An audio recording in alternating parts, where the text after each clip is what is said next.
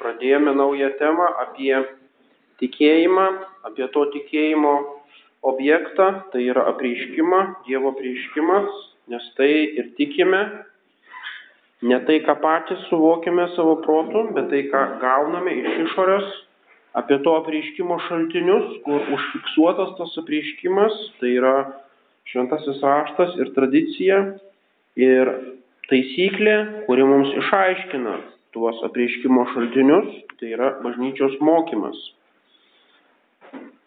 Taigi tikėjimo apibrėžimas, kas yra tikėjimas? Tikėjimas yra Dievo suteikta darybė, kuriai padedant mes laikome neabejotina tiesa visą tai, ką Dievas apreiškė ir kuo per savo bažnyčią įsakė mus tikėti. Taigi tikėjimas gali būti skirtingai suprantamas. Tikėjimas kaip pats veiksmas, aktas ir tikėjimas kaip pastovi sielos savybė, kurią vadiname durybė. Taigi tikėjimas kaip aktas yra tai, kad aš girdžiu ir tada aš priimu savo protų, aš tikiu šituo dalyku, aš jo neatmetu. O kitas dalykas tai yra Dievo suteiktoji darybė, tai yra antgamtinė darybė, kuri yra įlieta į mūsų sielą per Krikšto sakramentą kaip pastovi savybė. Tai yra pastovi savybė mūsų sieloje, pastovus sielos polinkis atlikti tokius tikėjimo aktus. Tikėti tuo įvairiomis tikėjimo tiesomis, būtent darybė, kuri padeda lengvai, be pasipriešinimo, be kažkokio skepticizmo, e, laikyti neabejotiną tiesą visą tai, ką Dievas apreiškė ir kuo per savo bažnyčią įsakė mums tikėti.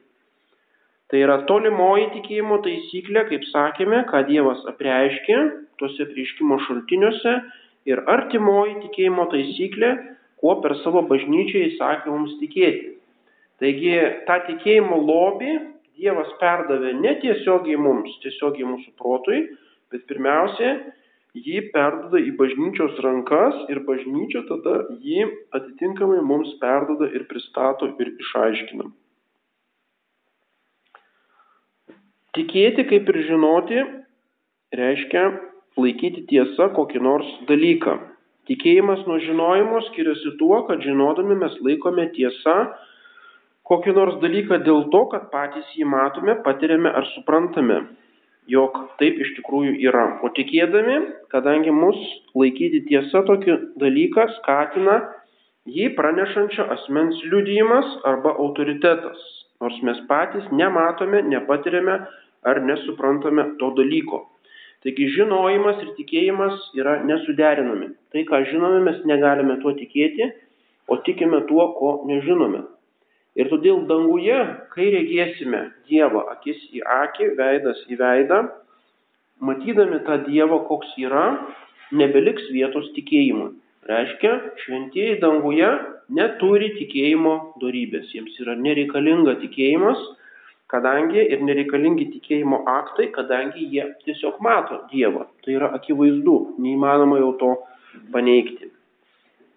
Ir tai sako apaštalas Paulius laiškė žydams Tikėjimas laiduoja mums tai, ko vilėmės, įrodo tikrovę, kurios nematome. Taigi viena vertus įrodo tikrovę, o kita vertus mes jos nematome ir negalime patikrinti, negalime pačiupinėti. Kaip buvo argumentas po Gagarino skrydžio į kosmosą, Gagarinas nuskrido, pats ištyrė dangų ir pamatė, kad ten Dievo nėra ir štai e, parskrido atgal į Žemę ir mums liudyja, Ir tada visa Sovietų sąjunga tiki, kad Dievo nėra, kadangi Gagarinas mums tai paliudyja. Taigi tikėjimas gali būti antgamtinis ir gali būti paprastas tikėjimas. E, į daugumą argumentų prieš tikėjimą, kad oi, tikėjimas tai toks netikras dalykas, reikia tik tai tą laikyti tikrų, ką patys matome ir ką empiriškai patirime ir ką mokslas įrodo, tai yra paprasčiausias argumentas iš mūsų kasdienybės. Naturaliame lygmenyje, kasdienėme gyvenime mes remiamės tikėjimu. Daugelį dalykų mes remiamės tikėjimu. Netgi daugumą visos informacijos, kurią gauname, Nuo pat savo vaikystės jinai yra pagrįsta tikėjimu, o ne akivaizdžiu žinojimu. Mokinys 11 metų, 12 metų vaikšto į mokyklą ir tiki tuo, ką sako mokytoja ir ką sako vadovėliuose. Vadovėlių autoriai kažką tai parašė tuos dalykus. Tiesiog visą tą informaciją, kuri, kuria remiasi mūsų auklėjimas, pačios pirmosios žinios, asmenybės formavimas, Visa tai remiasi ne eksperimentiniu žinojimu, kad pats žmogus tai pačiupinėjo, o remiasi vyresniųjų tėvų, mokytojų, e, autorių, knygų autoritetu. Taigi tikėjimo pagrindas yra autoritetas. Mes tikime, kad tas mokytojas žino, ką kalba ir priimame tai. Arba vėliau vis tiek dauguma žmonių, nors ir burnodami, nors ir murmėdami, žiūri televiziją arba skaito laikraščius ir tiki. Jeigu parašė, kad kažkur sprogo bomba, tai reiškia, matyt nemeluoja, matyt ten iš tikrųjų ta bomba susprogo. Visos mūsų žinios 99 procentai, ką mes žinome apie pasaulį, remiasi tikėjimu. Mes nežinome tų dalykų ir mes jų nepačiupinėjame. Tačiau tuose žemiškose dalykuose išlieka kritinis protas, išlieka kritika.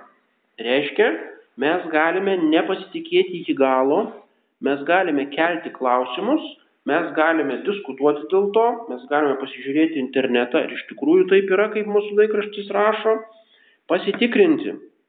Mes galime patys nuvažiuoti į tą kraštą, pasižiūrėti savo akimis. Arba kas nors cituoja kokią nors knygą, mes galim nueiti į biblioteką, atsiversti, ar iš tikrųjų toje knygoje taip ir taip rašo. O gal tas autorius sufalsifikavo tą citatą. Čia yra proto mūsų veikimas, čia yra kritika ir ji yra labai naudinga ir tuo būdu mes atsijojame daugybę dalykų, pelus nuo grūdų atsijojame, kur yra melas, o kur yra tiesa. Žinoma, ne visur. Dauguma dalykų taip ir lieka neišsiaiškinta, bet būtent mūsų kritinis protas gali visą tai e, tam tikrų lygių patikrinti. Ir tai vadinasi E, būtent tikėjimas nėra, ta prasme, aklas arba nėra toks vaikiškas, naivus, o mes kritiškai vis dėlto tos dalykus patikriname. Ir štai ant gamtinis tikėjimas mes tikime Dievo autoritetu. Ir tų dalykų, kurie mums yra apreikšti, mes negalime patikrinti iš principų. Ne tik tai dėl to, kad dabar jų nepasiekime, bet kad jie iš principo pranoksta ir žmogaus, ir ne tik tai žmogaus, bet ir angelo protą. Jie visiškai pranoksta bet kokio sutverto, sutverto, sutvertos būtybės proto galimybės. Ir todėl čia kritiškumui, ta prasme, nėra vietos. Mes negalime kritiškai žiūrėti į tuos tikėjimo dalykus, kadangi tai yra beprasmiška. Mes turime priimti Dievo autoritetu. Vien dėl Dievo žodžio visą tai ką Dievas mums apreiškia. Ir tuo skiriasi tikėjimas nuo bet kokio žmogiško tikėjimo ir nuo žmogiškų nuomonių. Tuo, kad jisai remiasi Dievo autoritetu. Taigi Dievo autoritetas yra tas pagrindinis motyvas arba tai, kas mus skatina tikėti ir tai, kas skiria tą antgamtinį tikėjimą nuo bet kokių kitų tikėjimų.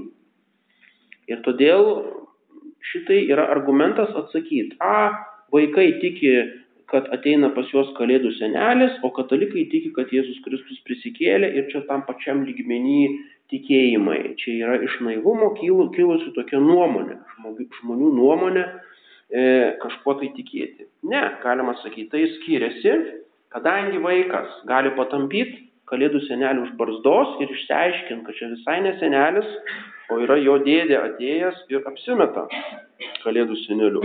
O Dievo už barzdos patampyti negalim. Ir todėl turime priimti tai, ką jisai mums apreiškia, kadangi Dievas yra visako tvėrėjas visų dalykų ir jis pats negali klysti, jis yra visažinis ir jis negali mūsų klaidinti, kadangi jis yra tiesia kalbis. Jisai kalba tai, kas, e, tai ką pats žino, kas yra jo visažinybėje, jo visagalybės galioje. Tai yra mūsų tikėjimo pagrindas. Tačiau žinoma, išlieka tas netikrumo elementas išlieka. Taip, aš priimu visą tai, ką Dievas apreiškė, bet vis dėlto tai aš to nematau. Aš nemat, nemačiau šito, aš ne, nemačiau e, tų visų dalykų, tiesiog išlieka tas ir todėl reikalingas valios elementas. Taigi prie mūsų proto sprendimo prisijungia valios elementas. Mūsų valia mus, mums įsako šitą tikėti. Savo valia mes įsakome priimti tuos dalykus apreikštus Dievui. Dabar ar tikėjimo dalykuose iš vis nelieka proto reikšmės, visiškai nelieka jokios kritikos ir kritiškumo, jokių būdų ne. Kadangi Dievas man netiesiogiai pasakė, aš neturiu tiesioginio kanalo, kur man Dievas tiesiogiai girdėčiau jo balsą ir jis man pasakytų, tai ir tai yra. Taigi mes Dievo tą balsą apreiškimą gauname iš trečių, antrų, trečių rankų, tai yra iš švento rašto, iš tradicijos per bažnyčios mokymą. Ir čia jau įsijungia kritinis elementas ir tas kritinis elementas ir sudaro tai, ką mes vadiname teologijos mokslu. Taigi teologijos mokslas, kuris kritiškai pažiūri, ar iš tikrųjų tie dalykai yra švento rašto tekste parašyti.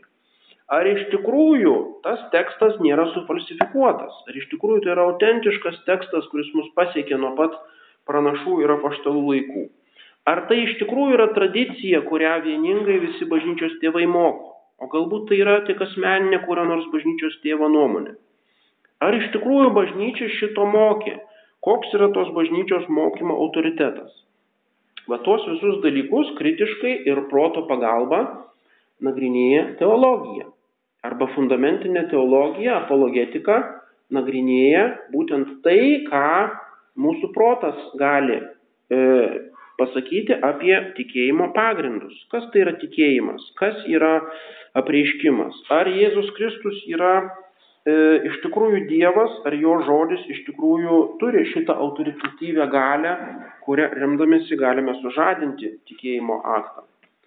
E, taigi, tikėjimas nėra irgi aklas, ta prasme, bet mes ištyrėme visą tai, kas žmogaus protų yra prieinama, tai atlieka teologijos mokslas ir tai atlieka bažnyčios mokymas, kuris atskiria klaidas nuo, e, klaidas nuo tiesos ir mes tai galime patikrinti, mes galime atsiversti tuos šaltinius, mes galime atsiversti, kritiškai peržiūrėti, ar iš tikrųjų yra taip, kaip bažnyčia moko.